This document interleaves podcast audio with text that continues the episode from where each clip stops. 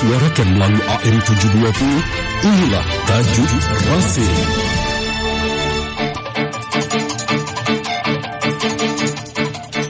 Tajuk Radio Silaturahim, edisi Rabu 21 Rabiul Akhir 1444 Hijriah.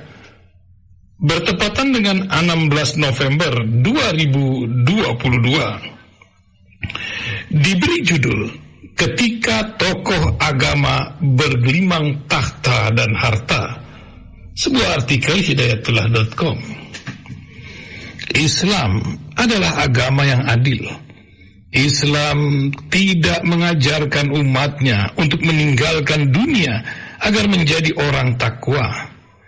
Justru umat Islam diperintahkan menjadi umat yang kuat agar bisa menjalankan amanah dakwah dengan baik. Karena itu, umat Islam diperintahkan untuk menaklukkan dunia, bukan untuk mencintainya, tetapi wajib menggunakan dunia itu untuk kebaikan bersama.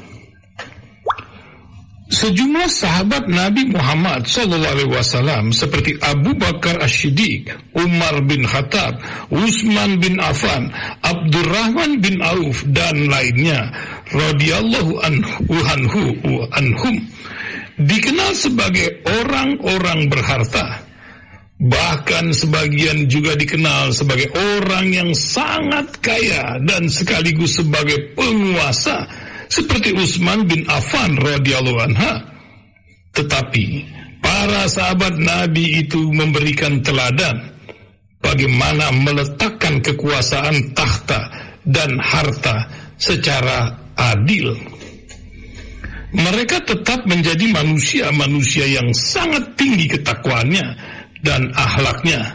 Mereka bisa dijadikan teladan bagi umat manusia.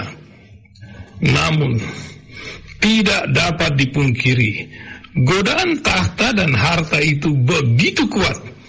Kekuasaan adalah hal yang diimpikan oleh manusia. Kadangkala ada orang sudah melimpah hartanya, tetapi tetap berburu tahta dengan berbagai alasan jika tahta dan harta digunakan dengan adil, maka keduanya akan memberikan dampak kebaikan yang besar. Tetapi tahta dan harta juga bisa melenakan manusia, bahkan tokoh agama pun bisa terjebak untuk mengejar dan menyalahgunakan tahta dan harta. Padahal para tokoh agama adalah manusia-manusia yang sepatutnya sudah selesai urusan dunianya. Dalam pandangan Islam, para tokoh agama adalah pelanjut perjuangan para nabi. Rasulullah SAW diutus untuk menyempurnakan akhlak manusia. Beliau memberikan contoh yang nyata bagaimana tahta dan harta beliau gunakan secara optimal untuk kebaikan. Jika para tokoh agama gagal menjadi contoh dalam penegakan ahlak mulia, maka musibah besar akan menimpa umat manusia. Sebab para tokoh agama, ulama, itu ibarat bintang yang menerangi jalan di tengah kegelapan.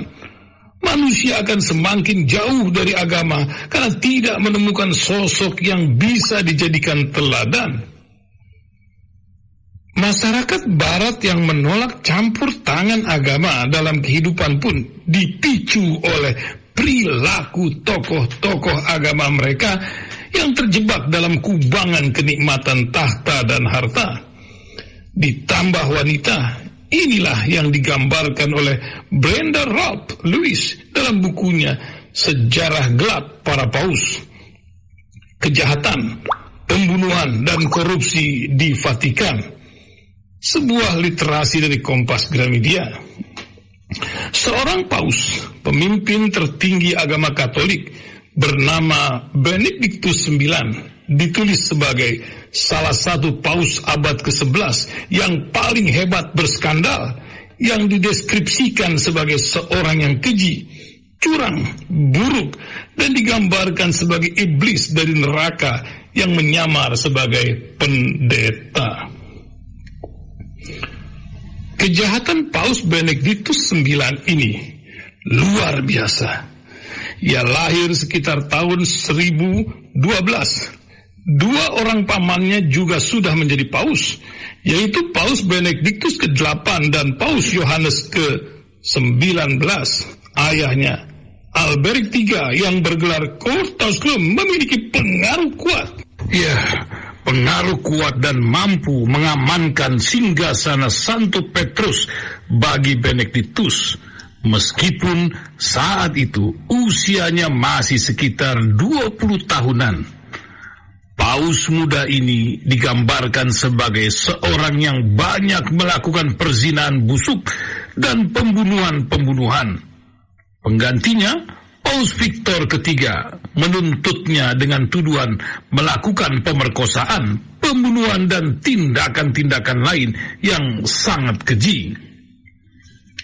Kehidupan Benediktus lanjut Victor begitu keji, curang dan buruk, sehingga memikirkannya saja saya gemetar. Benediktus juga dituduh melakukan tindakan homoseksual dan bestialitas. Kekuasaan yang begitu besar dimiliki oleh para tokoh agama yang berujung kepada penyelewengan, kemudian menyulut berbagai protes. Tahun 1887, Lord Acton seperti menyindir hegemoni kekuasaan agama dan menulis surat kepada Bishop Mandel Creighton Revolusi Prancis tahun 1789 yang mengusung jargon liberty, equality, fraternity juga dipicu oleh kerusakan moral sebagian tokoh agama yang terlibat dalam penindasan rakyat. Muncullah trauma masyarakat barat terhadap para tokoh agama sampai-sampai mereka memekikkan semboyan berhati-hatilah jika Anda berada di depan wanita. Hati-hatilah Anda jika berada di belakang keledai dan berhati-hatilah jika berada di depan atau di belakang pendeta. Demikian literasi Cambridge University 1975. Jika kita perlu belajar dari sejarah masyarakat barat ini, para tokoh agama yang sedang diuji oleh Allah Subhanahu wa taala dengan limpahan tahta dan harta serta sangat berhati-hati dalam menjalankan amanahnya. Jangan sampai masyarakat memandang agama hanya dijadikan sebagai alat untuk memenuhi syahwat tahta dan harta. Ingat, Iblis paham betul bagaimana menjerumuskan manusia dalam kesesatan. Iblis tahu titik-titik lemah manusia. Semoga Allah Subhanahu wa taala melindungi kita semua, para ulama dan para pemimpin kita. Amin ya rabbal alamin. Wallahu a'lam bissawab.